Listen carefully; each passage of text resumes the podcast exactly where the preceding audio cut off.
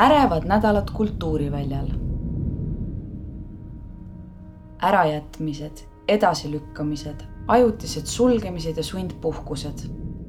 koroonapandeemiast tingitud kultuurikatkestuse kannatajaks ei ole vaid suured teatrimajad ja teised institutsionaalsed kultuuriasutused, vaid ennekõike omaalgatuslikud tegijad ning vabakutselised, kunstnikud, muusikud, literaadid, produktsioonitiimid, koomikud me rääkisime Eesti kultuuriinimestega, kuidas nad on eriolukorraga kohanenud.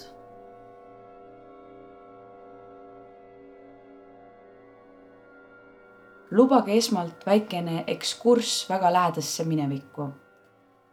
on teisipäev, kümnes märts kaks tuhat kakskümmend. ilm Tallinnas on jahedavõitu ja tuuline, aga lähipäevade prognoos on veelgi kehvem, kuni lörtsini välja kokku on Eestis tuvastatud kõigest kaksteist koroonaviiruse juhtu, kusjuures kõik haigestumised on toimunud võõrsil. terviseameti riskihinnang on võrdlemisi tagasihoidlik. haiguse kohapealse laialdase leviku tõenäosus on madal. lisaks on viroloog Irja Lutsar mäletatavasti kaks päeva varem öelnud, et ürituste ärajätmine ja koolide sulgemine praeguses olukorras tundub ebaproportsionaalne inimesed käivad tööl, poes ja koolis. pärast seda seavad sammud veel kinno teatrisse ja kohvikusse ning päris õhtul lähevad seltskondlikumad neist peole. samas kui tubasem rahvas saab kell üheksa eetris oleva AK järel hoida silma peal spordimaailmas toimuval. ühesõnaga täielik ulme. nagu igas muuski kollektiivis või koosviibimisel tehakse ka Müürilehe toimetuses kümnendal märtsil juba küll mõõdukalt koroonahuumorit, aga peaasjalikult köidavad tähelepanu ikka argisemad asjad. kõik on üldjoontes nagu tavaliselt. äkitsi tõstab müügi- ja reklaamijuht Tanel Mütt silmad ekraanilt ning hüüatab üdini üllatunult. kuulge, Tallinn Music Week jääb ära, tähendab lükkub augustisse. reaktsioonid on muidugi erinevad. kes ei suuda hästi uskuda kes hindab veidike ülereageerimiseks, kes kiidab. aga ühisnimetajaks on kõigi puhul igatahes vaieldamatu üllatus. sellest hoolimata toimub tolle nüüd iidsena näiva teisipäeva õhtul Fotografiskas veel Jaapani produtsendi DJ Krushi instrumentaalne kontsert, mis oli seda väisanud muusikagurmaani Berk Vaheri sõnul äge, aga rahvast oli olnud pigem mõõdukalt see aga tähendab, et küllap oli üritus selle võrra tervisesõbralikum. veel räägitakse üsna kindlas kõneviisis kolmeteistkümnendaks märtsiks planeeritud halli hooaja avapeost, mida mäletatavasti kohapeal lõpuks siiski ei toimunud. selle asemel toodi pidu neljateistkümnendal märtsil peorahva rõõmuks online ülekande vahendusel koju kätte.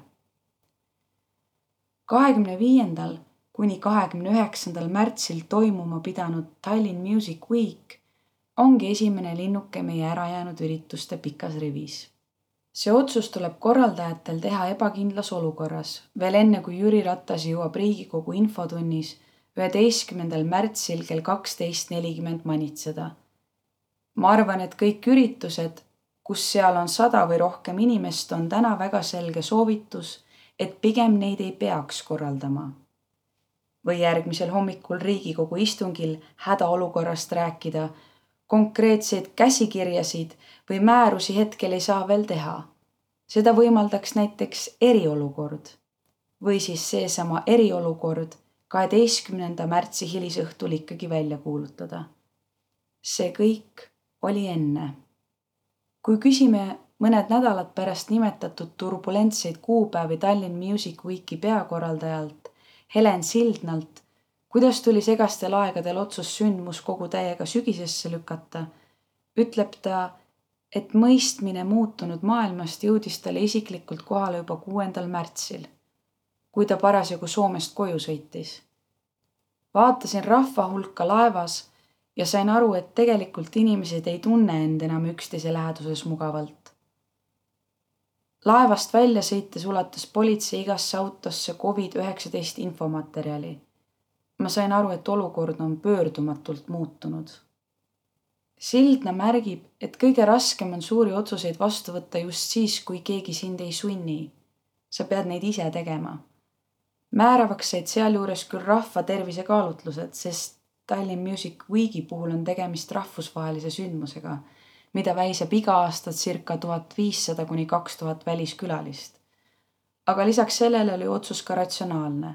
üks oli selge kui me otsusega kasvõi kaks päeva veel venitame, on rahalised kaotused nii meie kui ka meie partnerite jaoks iga päevaga suuremad. enne oli tehtud ka Terviseametiga koostööd ja riske arutatud, aga nagu me kõik teame, muutus pilt sel perioodil tõesti iga päevaga. Segastel aegadel otsuse tegemise raskusest räägib ka Balti jaama veerel tegutseva klubi Uus Laine üks asutaja Madis Ligemaa. tegemist oli ühe esimese klubilokaaliga mis otsustas mõneks ajaks uksed külalistele sulgeda. reageerisime neljapäeval kell kümme, kui pidi tulema peaministri erakorraline poliitiline teadaanne. lootsime, et välja kuulutatakse eriolukord ja ongi kõik. kuna peaminister pidas aga pooleteisetunnise kõne ja sellega mitte midagi ei öelnud, Jüri tegi ratast, eks ole, siis oli mingis mõttes raske. pidime otsuse ise vastu võtma ja leppisime kokku, et me ei tee uksi lahti. kusjuures uue laine juhtumi muudab keeruliseks asjaolu, et uksed avatigi esimest korda alles veebruari alguses ning rasvakihti ei ole veel jõutud koguda. hoopis vastupidi, pikast ehitusperioodist on üleval võlgu ning klubi peale on kulunud ka suur hulk tegijate sääste. selline šokk tekitab inimestes erinevaid reaktsioone kes haaras kohe härjal sarvist ja asus varem ajapuudusel edasi lükkunud suuremaid ettevõtmisi teoks tegema. kes püüdis iga hinnaga staatus quo'st kinni hoida, kes langes apaatsusesse. Küllap on säärasel ehmatusel nagu leinalgi erinevad üksteisele järgnevad faasid ning nõnda tabasime ka selle artikli arvukad allikad nende šoki erinevatest etappidest. kes varem, kes hiljem aga lõppkokkuvõttes leidsid ikkagi kõik kultuurikorraldajad end olukorrast, kus üks või teine välja reklaamitud sündmus tuli ära jätta või ebakindlasse tulevikku lükata.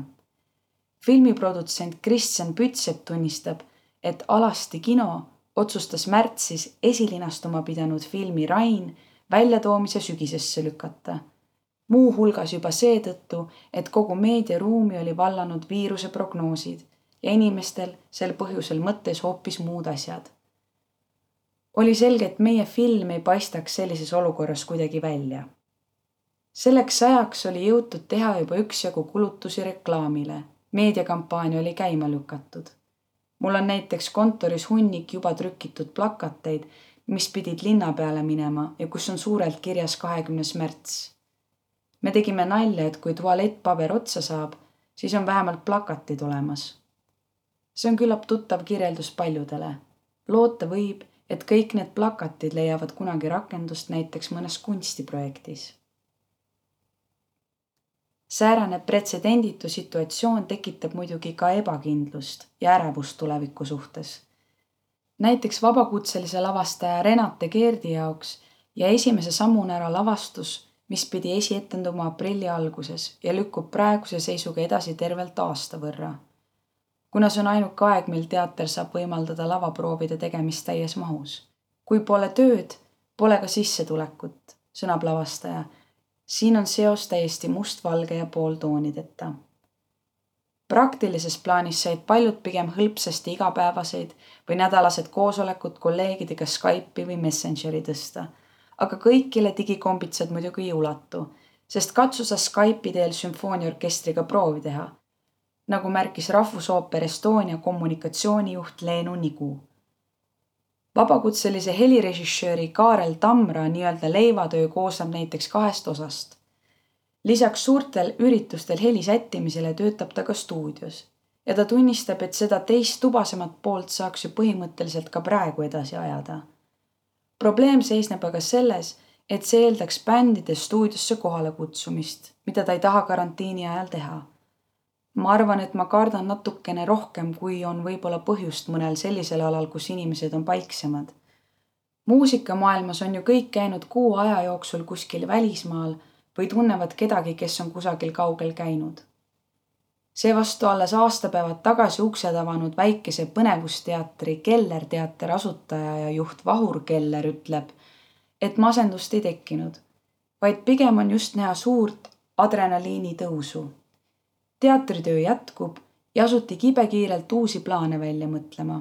liiati võimaldas tekkinud hingetõmbehetk maale minna, kus meri on enam-vähem akna all ning lugemist ootab virn raamatuid, millest muidu ei osanud unistadagi vabakutselise literaadi Keiti Vilmsi jaoks jällegi ei ole elukorraldus praktilises plaanis kuigivõrd muutunud. ega ma enne ka ei teadnud, mida ma teen mais, mida ma teen juunis või mis üldse aasta pärast saab. Ja ma ei mõtle selle peale ka nüüd eriti. saab, mis saab ja tuleb, mis tuleb, lisab Vilms, kellele ei olegi muretsemine kuidagi loomuomane üks, mida suur osa kultuurirahvast aga kohe kriisi alguses avastas oli ootamatu ja suurem ühtsustunne kui ehk varem. seda nii kolleegide, koostööpartnerite, fännide kui ka saatusekaaslaste seas. Sildna ütleb, et ta pole kogenud oma meeskonnaga juba aastaid sellist koostöövaimu, vastutulelikkust ja paindlikkust kui nüüd. tajutakse kollektiivselt, et seistakse ühe asja eest ning raske on korraga kõigil. endistest konkurentsidest on saanud nüüd partnerid nagu ütleb Ligemaa. me kõik oleme selles sitas koos. nii on lihtsam mõista palvet arvete tasumistähtaega pikendada, reklaame tühistada või üürimaksed mõneks ajaks külmutada. ülima solidaarsusakti sooritajana lähevad aga kirja need, kes on rasketel hetkedel vabatahtlikult oma abikäe ulatunud, näppude vahel natukene va krõbisevat Keller teatril on selliseid toetusavaldusi eriolukorra kehtestamise järel juba paar korda ette tulnud, kuigi mitte väga suurtes summades. kalamaja pisikese teaterpaari Heldeke omanikule Dan Renwickile on külastajad avaldanud soovi panna püsti raha kogumiskampaania. annetuste küsimine tekitaks kultuuriklubi omanikkus aga näruse tunde. kui asjad peaksid ikka puhta hapuks minema eelistaksin pigem koha kinni panna, kui paluda inimestel niigi halbades oludes veel toetust. tema hinnangul on praegu ka palju olulisemaid asutusi, mis toetust vajavad. sellele mõttele sekundeerib Vilms, öeldes, et on liiga vara kelleltki üldse mingit toetust küsida ja kellelt sellel raskel ajal seda nii väga küsida olekski. paus ei tähenda kultuurivaldkonnas tegutsejate jaoks ainult jõudeelu maasuvilas või öökapiraamatute virna jõudsat vähenemist. nii nagu igas leibkonnas on tekkinud ühtäkki aega, et panna maha ammu nurgast tolmu kogunud põrandaliistud või värvida üle aiatoolid. Nii on ka loomeinimesed suunanud vabanenud energia projektidesse, mis on nimekirjas juba ammu tegemist oodanud baaripidajatele on poolteist kuud vältav paus, muidu katkematus ürituste voos ideaalne hetk renoveerimistöödeks näiteks Sveta baaris on käimas uute WC-pottide paigaldus ja seinte värvimine. Madeleine Teetsov-Faulkner ütleb, et praegu tegeletakse sellega, et vastata normaalsesse elurütmi naastes külaliste ootustele. kui me lõpuks uksed uuesti lahti teeme, ei tohi tekkida tunnet, et Sveta on tolmu täis, vaid see peaks olema värske. selliseid plaane saab teha muidugi ainult juhul, kui on piisavalt finantse Tartu genialistide klubi jaoks seab koroonapuhanguga kaasnev majanduskriis tõenäoliselt hoopis rasvase küsimärgi mitmete maja füüsilist seisukorda mõjutavate arenguplaanide kohale, nendib programmijuht Jaan Kroon. Need, kellel pole parajasti käes haldamist vajavat kinnisvara, millega koroonapaastu täita, on suunanud oma tähelepanu virtuaalmaailma mõned püstijala koomikud on kolinud oma naljadega taskuhäälingusse, kus seni toimetati ebaregulaarselt. Sander õigusel enda podcasti veel pole, küll aga hakkas ta igavuse peletamiseks Youtube'i keskkonnas kokandussaadet tegema. Ligemaa on aga jõudnud paari päevaga tõlkida inglise keelde ühe filmi. oma järgi ootab kombutša ärile veebipoe loomine elektriteatri eestvedajal Andres Kautsil on aga võimalik lõpuks keskenduda pikalt töös olnud piletimüügi uuendusele nii ei ole muidugi ilus öelda, aga siin paistab olevat mängus saatuse kuri sõrm, et see kriis just nagu tellitult digikultuuri aastale langes. sest just digilahenduste poole ongi paljud kultuurisfääri asukad sunnitud pöörduma, kas siis otseselt või kaudselt raha teenimiseks või ka lihtsalt eneseväljenduseks või pildil püsimiseks. Meeskonna kompaktsuse ja tehniliste vahendite kättesaadavuse tõttu on Facebook live formaati olnud lihtsam rakendada muusikuil, kes said seetõttu ka kõige kiiremini kodukontserte andma hakata. üks esimesi, kes niisugust lahendust kasutas, oli orelipoiss ehk Jaan Pehk, kelle Türi verandalt üles võetud kontserti jälgis kaheksateistkümnendal märtsil ühel hetkel kõige rohkem kolm tuhat üheksasada inimest. Aga koos järelvaatajatega on see number nüüdseks üheksakümmend kolm tuhat. kohusetundlikumad kultuuritarbijad said kontserdile ka vabatahtliku ning südametunnistuse järgi valitud summas pileti soetada küllap oli sündmuse populaarsuse juures lisaks ilmselgele Pehu isiku ja loomingule oma roll ka formaadi uuendusel ka funk- ja soul-artistide agentuuri Estonian Funk Embassy asutaja Hendrik Ehte tegevuses on tähtsal kohal läbirääkimised mitmete artistidega tele- ja online-kontsertide tegemiseks. kui suudame selle käima tõmmata ja olukord normaliseerub, on lisaks esinemisteenuse pakkumisele loodetavasti ka digipersona palju paremini välja töötatud ja tekib lisatulu allikas artistidele ta täpsustab, et praegu on aeg, mil tuleb tegeleda just intellektuaalomandi kaubitsemisega, et artistid ei peaks enam sõltuma niivõrd laividest, vaid rohkem tulu võiks saada ka näiteks merch'ist, muusika litsentsiõiguste müügist ja voogedastamisest. kui seni on esinemistulud olnud adekvaatsed ja nendest on ära elatud, siis just see pool on jäänud to-do listis tegemata. suurematest kooslustest hakkas digitaalsete ülekandevahendite poole varakult vaatama ka Keller teater, mis on tegelenud Vahur Kelleri sõnul juba viieteistkümnendast märtsist peale lavastuse veebis edastamise tehniliste küsimustega. et lastelavastus Cantervilli kummitus juba kahekümne üheksandal märtsil digilavale tuua. kusjuures otseülekande kolmsada viie eurost piletit müüdi läbi vaid kümne tunniga mis peale teater avas piletimüügi sama päeva õhtupoolikul toimuvale kordusetendusele. Leidlikkus, eriti neil karantiini aja algushetkedel, oli Kelleri sõnul aga muidugi seotud riskiga. on väga kihvt, et näiteks videomeedia firma Still Frame pöördus ise minu poole plaaniga hakata tegema live-etendusi. väikese firmana võtavad nad samamoodi riski nagu meiegi aga kuna oleme olukorras, kus töö on mõneks ajaks seiskunud, siis on võimalik niimoodi katsetada. raha teenimine ei olegi veebi poole vaatamiseks ainuke põhjus, nagu ei ole muusikutelegi piletimüügis teenitava tulu suhtes ülemäära suuri ootusi. nõnda vastas ka Jaan Pehk ebaviisakale küsimusele, kuidas rahaliselt ka läks, et kuivõrd majanduslikult tal mingeid ootusi ei olnud, siis võib öelda, et läks isegi üle ootuste kenasti. Aga kus üks näeb vaid e-edulugu ja digikultuuri vohamist, küsib teine ettevaatlikult, kas sellest ikka tõesti piisab. kui juba piletimüügiga on veebinähtuste puhul, kus oleme ikka harjunud tasuta ammutama keerulised lood, siis ammugi ei müü läbi ekraani kokteili. seega paneb raskesse seisu baarimüügist tulu teenivad kultuuriklubid. liiati on nägemis- ja kuulmismeelest vähe palju jääb nõnda saamata ja kogemata. seda rõhutab ka Ligemaa, öeldes, et kultuuriloome suurem mõte on see, et sa tuled arvutist välja, sotsialiseerud ja saad midagi kõikidele meeltele. kultuur on nii lai sensoorne valdkond. see on ka põhjus, lisab Ligemaa, miks me ei saa vähemasti praeguste tehnoloogiliste vahenditega viia täit kultuurielamust vaid veebipõhistesse laividesse ja digiplatvormidele teine probleem seisneb selles, et ka igasuguse eriolukorra väliselt sõltume me liiga palju ekraanidest ja digitaalsetel platvormidel pakutavast. nõnda märgib Dan Renwick. praegu on huvitav situatsioon, sest üks murekoht on vaatajad, kelle tähelepanu on saaliski jaotatud nutiseadmete ja lava vahel. aga segavate tegurite hulk on live voogedastuste ajal miljon korda suurem meelelahutustööstus peabki nüüd muutma viisi, kuidas sisu edastatakse ja kuidas publiku tähelepanu köidetakse. Sõltumatu tantsulava loovprodutsent Evelin Raudsepp tõdeb, et teatritele on küll juba edastatud eriolukorras üleskutse videosalvestuste tegemiseks. aga siinkohal tasub tähele panna, et teleteater on väga igav formaat.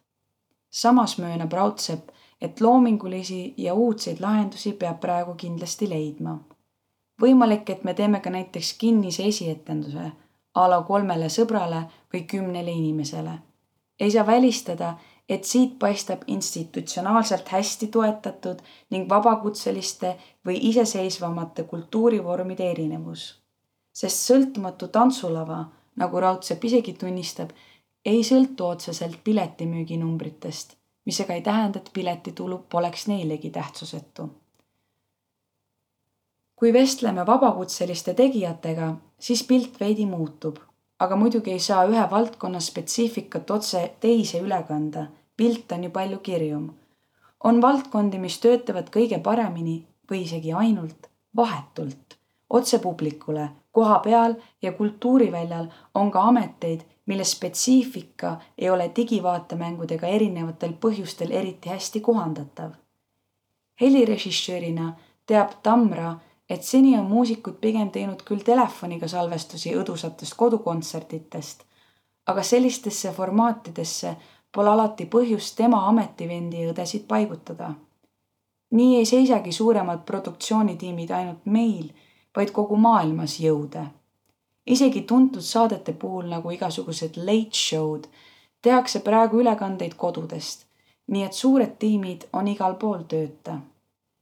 eriti pessimistlik on vabakutseline koreograaf ja Eesti Teatriliidu kahe tuhande üheksateistkümnenda aasta parima tantsulavastuse laureaat Mart Kangro, kes ütleb otsejoones välja, et olukorra mõju tema tööle on absoluutne. minu töö seisneb ainult reaalses ruumis, reaalsete inimeste ees ülesastumises ja praegu ei saa seda teha. mul ei ole tegelikult võimalik mingeid muid meediume kasutada, et kuidagigi jätkata põhimõtteliselt peaksin leidma mingi teise töö. umbes samasugusest seisust võib ennast varsti leida lavastaja Renate Keerd. juhul, kui jääb ära ka Tartu Uue Teatri suvelavastus Serafima ja Bogdan, kus osalen näitlejana, on mu järgmised proovid planeeritud alles kahe tuhande kahekümne esimese aasta algusesse, mis ühtlasi tähendab seda, et ka mu järgmine töötasu laekuks alles circa aasta pärast kirjeldab kahe tuhande kaheksateistkümnenda aasta Teatriliidu etenduskunstide ühisauhinna pälvinud lavastaja võimalikke tulevikuväljavaateid. ka Keerd on vabakutseline.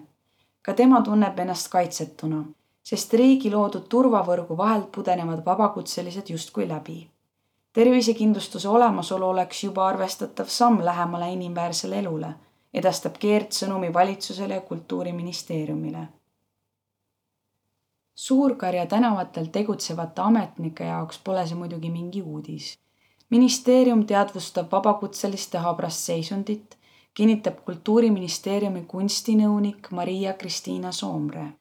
kriisi esimestel päevadel lisas ta oma sotsiaalmeedia seinale postituse kõigile ennast peagi Kangro ja Keerdi positsioonist leida võivatele loomeinimestele, meenutades neile vabakutseliste loovisikute loometoetust selline toetusmeede on olnud saadaval juba alates kahe tuhande viiendast aastast. kuid Soomere sõnutsi ei tea paljud, keda see võiks praegu aidata sellest midagi. ometigi on tegemist esmase riikliku päästerõngaga, millest vabakutselised saaksid kriisiolukorras kinni haarata. meede tagab kuueks kuuks miinimumpalga ja tervisekindlustuse olemasolu ning toetust on võimalik seejärel veel pooleks aastaks pikendada Kangro toob meetme olulise kitsendusena välja asjaolu, et see asetab loomeisiku kahvlisse. kui vahepeal õnnestub mõne projektiga natukene raha teenida, siis toetus katkeb automaatselt ja uuesti saab seda taotleda alles aasta pärast. see kutsub susserdama, kuigi on paljudele abiks. Soomre väitel leiavad selle meetme tavaliselt üles need, kelle jaoks see ongi viimane õlekõrs statistika näitab, et nendeks on olnud peamiselt kunstnikud. vestlus vabakutselise kunstniku Teenes Farkasega selgitab põhjust. Farkas ütleb, et ta on õppinud elama pidevas majanduskriisis. olen olnud juba aastaid harjunud hirmuga, et järgmine kuu pean ateljee ära andma või korteri pangale müüma, kirjeldab Veneetsia kunstibiennaalil Eestit esindanud Farkas oma argipäeva.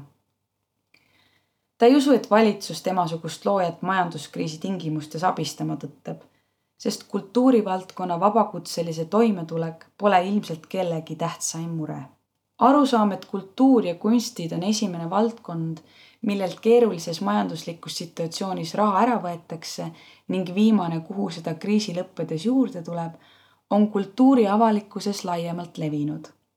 selle kinnituseks piisab, kui heita pilk viimase viieteistkümne aasta riigieelarve kultuuriridadele. näiteks riigi kujutava kunsti valdkonnale eraldatav rahastusel kulus uuesti masueelsele tasemele jõudmiseks kümme aastat see tekitab loovisikutes paratamatult tunde, et oma muredega jäädakse üksi ning vähesed toetusmeetmedki kaovad ruttu. tuleb siiski ära märkida, et loometoetus elas üle ka eelmise majanduskriisi. Nii võibki tunduda mõistlikum leida endale arvete tasumiseks uus töökoht, mis tagaks stabiilsuse, kuni ühel hetkel muutub stabiilsus olulisemaks kui vabakutselise tiitliga kaasnev vabadus just sedasi kaovad Renviki arvates kultuuriväljalt paljud talendikad artistid ja interpreedid. Kangro näeb lahendusena vabakutseliste konsolideerumist. me oleme niikuinii ühiskonnas märkamatu suurus. Need üksikud institutsioonid, mis minusuguse ees seisaks, on ka ise väikesed. institutsionaalne tugi tooks nähtavuse ja annaks juurde kõlapinda. riigi silmis on teatrid suured partnerid, kelle eest tuleb vastutada kuigi üldises kultuuripildis annavad sajad vabakutselised väga palju tooni, et nad ei ole mingi väike osa kultuuriväljast, toob Kangro välja fundamentaalse ebakõla. Ta sooviks, et vabakutseliste hääl kostuks ümarlaua aruteludel proportsionaalselt nende panusega kultuuriväljal. tavaliselt tekib esindatus mõne katuseorganisatsiooniga, näiteks Teatriliidu kaudu. Kangro aga sinna ei kuulu küll aga kuulub koos suuremate teatritega Eesti Etendusasutuste Liitu sõltumatu tantsulava, mis suhtleb ministeeriumiga liidu vahendusel. kuigi sõltumatu tantsulava STL täitis ära tabeli eriolukorra tõttu kaotsi läinud tuludest nii institutsiooni kui ka vabakutseliste seisukohast, leiab STL-i looprodutsent Evelin Raudsepp, et Eesti Etendusasutuste Liit pole suuteline kõnelema korraga nii suurte teatrimajade, projektiteatrite kui ka väikeste MTÜ-de eest. Nende tegutsemistingimused on lihtsalt nõnda erinevad. Soomre nõustub nii sellega, et suuremad institutsioonid on ministeeriumiga suheldes eelseisus, kui ka sellega, et valdkonniti ja inimeseti võivad mured olla väga mitmesugused. üksiku hääle kuuldavaks tegemine ongi problemaatiline kuid kindlasti peaks püüdma ühiseid kitsaskohti artikuleerida. kui see jääb suuremate katuseorganisatsioonide või institutsioonide ülesandeks, tuleks neil hoolikalt mõelda, kelle nimel nad räägivad. Näiteks vabakutselised näitlejad täidavad paljudes teatrimajades olulisi auke. Õnneks saavad kutselised trupid sellest enamasti ka ise aru.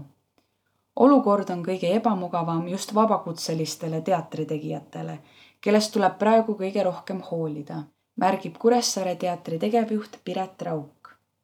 kõige nähtavamalt on hakanud ühisel häälel kõnelema muusikavaldkonna esindajad. Juba eriolukorra kehtestamise päeval saadeti valitsusele neljast punktist koosnev ettepanekute nimekiri, mis käis muuhulgas välja kontserdi korraldajate ja vabakutseliste muusikute toetamiseks erakorralise fondi loomise ja kontserdipiletite käibemaksumäära langetamise. Päev hiljem hakati kaardistama valitsuse otsusega kaasnevat majanduslikku mõju muusikasektorile ning välja andma eriolukorra nädalakirja, mis koondab operatiivset infot ja nutikaid lahendusi keeruliste situatsioonidega toimetulekuks. Music Estonia tegevjuht Virgo Sillamaa näeb valdkonna ühtsust praegu ääretult olulisena. info peab liikuma ja kogunema väga kiiresti, et ministeerium oleks suuteline esindama võimalikult paljusid pooli.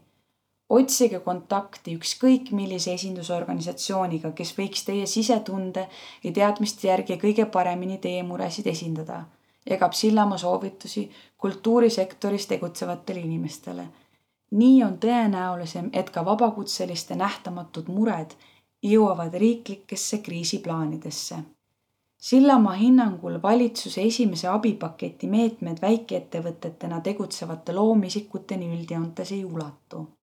Positiivse poole pealt loeb Sillamaa kultuuriminister Tõnis Lukase sõnumitest aga välja, et riik ei mõtle kriisis ainult enda ülalpeetavatele institutsioonidele, vaid valdkonna osana nähakse ka erasektorit. see, millised on riigi vahendid kultuurisektori toetamiseks, sõltub eriolukorra kestusest ning sellega kaasnevate sanktsioonide ulatusest. Kultuurkapitalist jagatavaid toetusi mõjutab negatiivselt näiteks kasiinode sulgemine ja alkoholimüügi piiramine rahandusministeeriumi märtsis viimasel nädalal koostatud prognoos laekumiste kohta ütles sama et kui piirangud leevenevad mais ja majandus taastub, siis rahapada märgatavalt ei kahane. prognoosid muutuvad aga päev-päevalt. Seepärast tasuks kultuurihuvilistel olla valmis ka selleks, et mõni põnev algatus või loominguline kooslus kaob jäädavalt pildilt. Raudsepa hinnangul ei pruugi see olla iseenesest halb nähtus, sest näiteks teatriskeenel toimub ületootmine. muusik Aivar Tõnsoo laiendab seda tõdemust kultuurimaastikule tervikuna. meil toimub väga palju, aga väga palju on ka selliseid sündmusi, mille puhul tekib küsimus, kas need peavad toimuma või on tekkinud lihtsalt tegemise rutiin. võib-olla aitab kriis senisest rutiinist välja murda ning korraldada oma tegevust edaspidi paremini ja rohkem läbimõeldult. kultuurivälja esimeseks koroonaohvriks võis olla Pärnu kultuurklubi Tempel mis lõpetas eriolukorra väljakuulutamise järel tegevuse oma senises asukohas. klubi eestvedaja Andres Tölp ütleb, et esialgu oli plaan sulgeda uksed viieteistkümnendal mail, kuid valitsuse otsus kiirendas seda protsessi. hoolimata sellest, et nüüd jäävad ära nii vinge lõpupidu kui ka klubi neljas sünnipäev, tunneb Tölp isegi kergendust. meil oligi pausi vaja.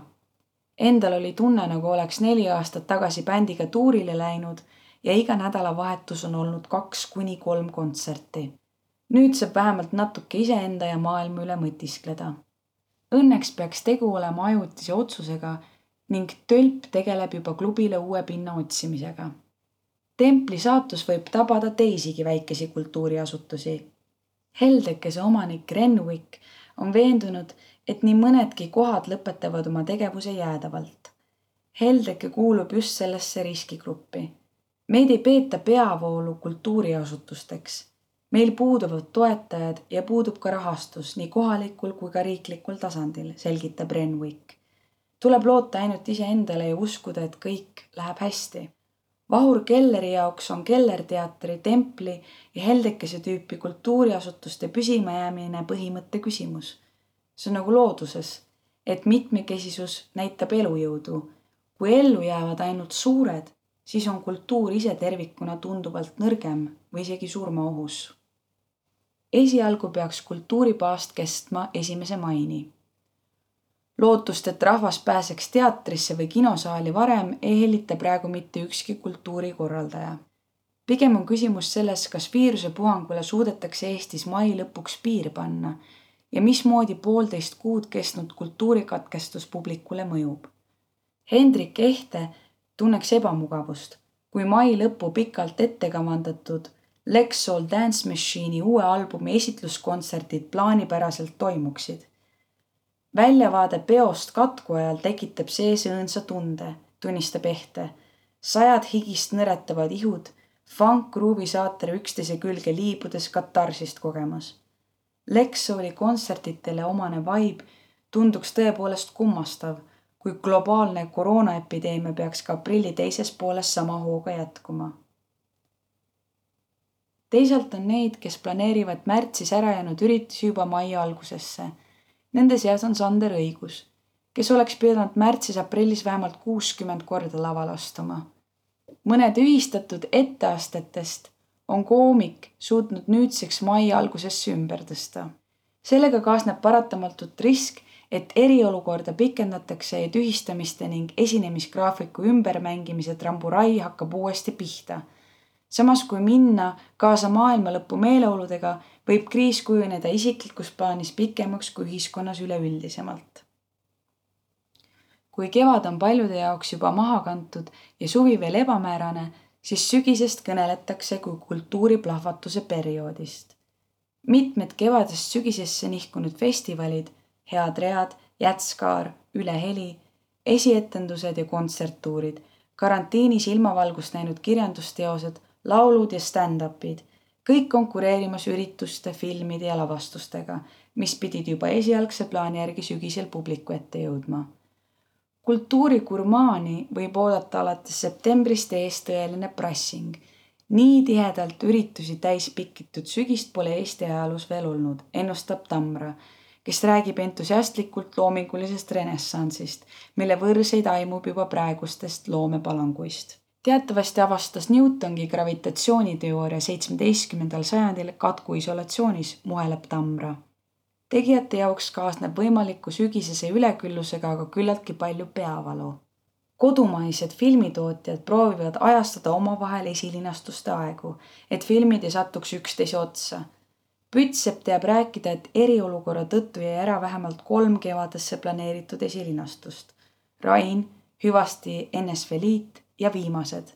lahtine on, mis saab salmonitest Eesti Filmi Instituut proovib nüüd koordineerida, et sügisesed teeksid omakorda nii-öelda kevadestele ruumi.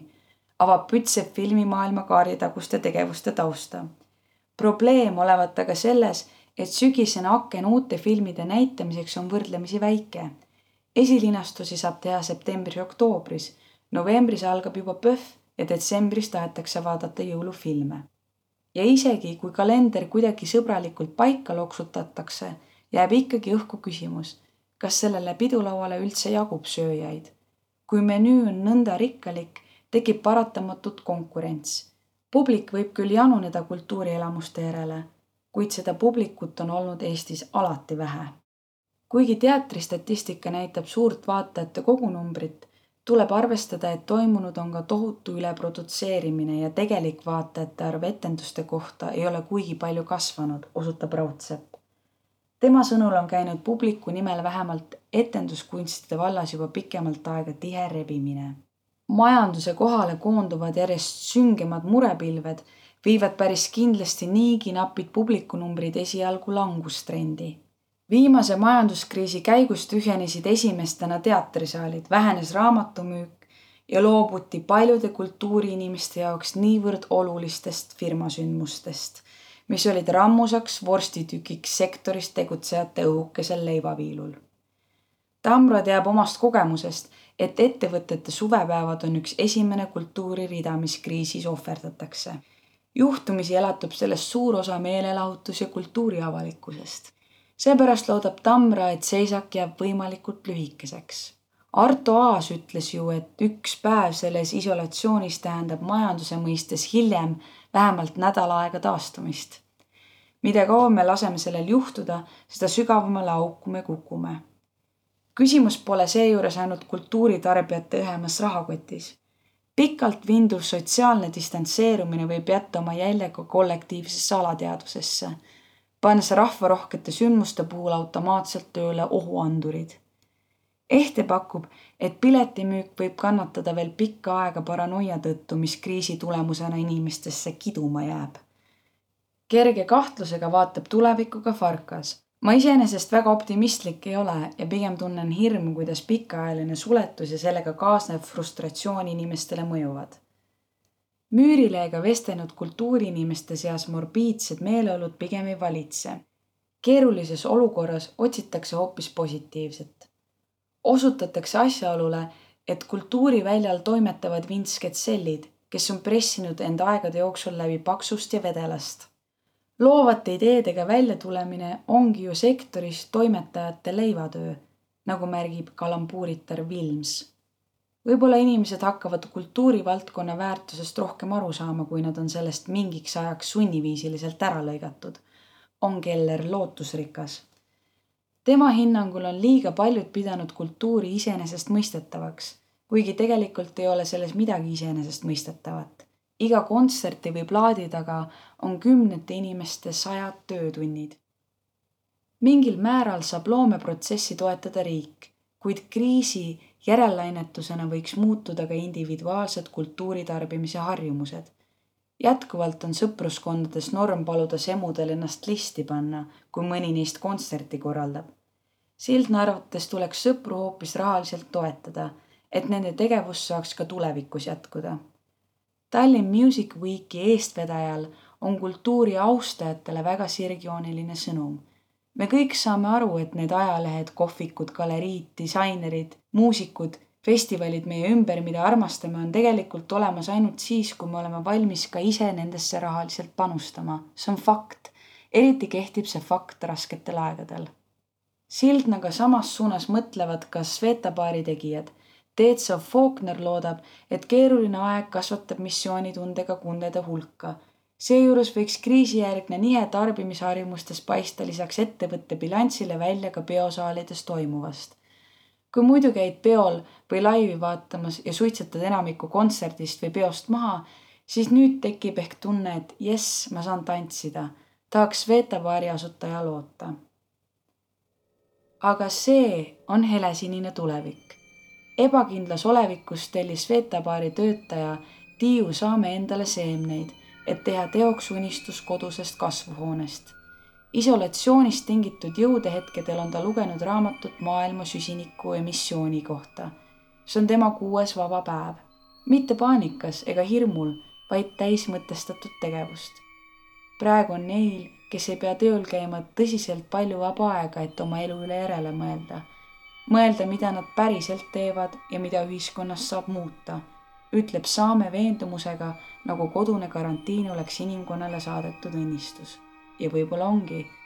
võib-olla ei sünni sellest sisekaemusest ja sunnitud pagendusest tulevikus ainult intellektuaalselt haarav kunst, vaid mingi teistmoodi elutunnetus, mille vundamendiks on seemned ja raamatud. võib-olla süveneb sääraste zen-meeleolude taustal aga hoopis loomeinimeste prekaarsus. võib-olla mõlemat ärevad nädalad Kultuuriväljal. loo pani kokku Müürilehe toimetus. teksti luges Piret Krumm, heli kujundas Eke Vestrik. müürileht kaks tuhat kakskümmend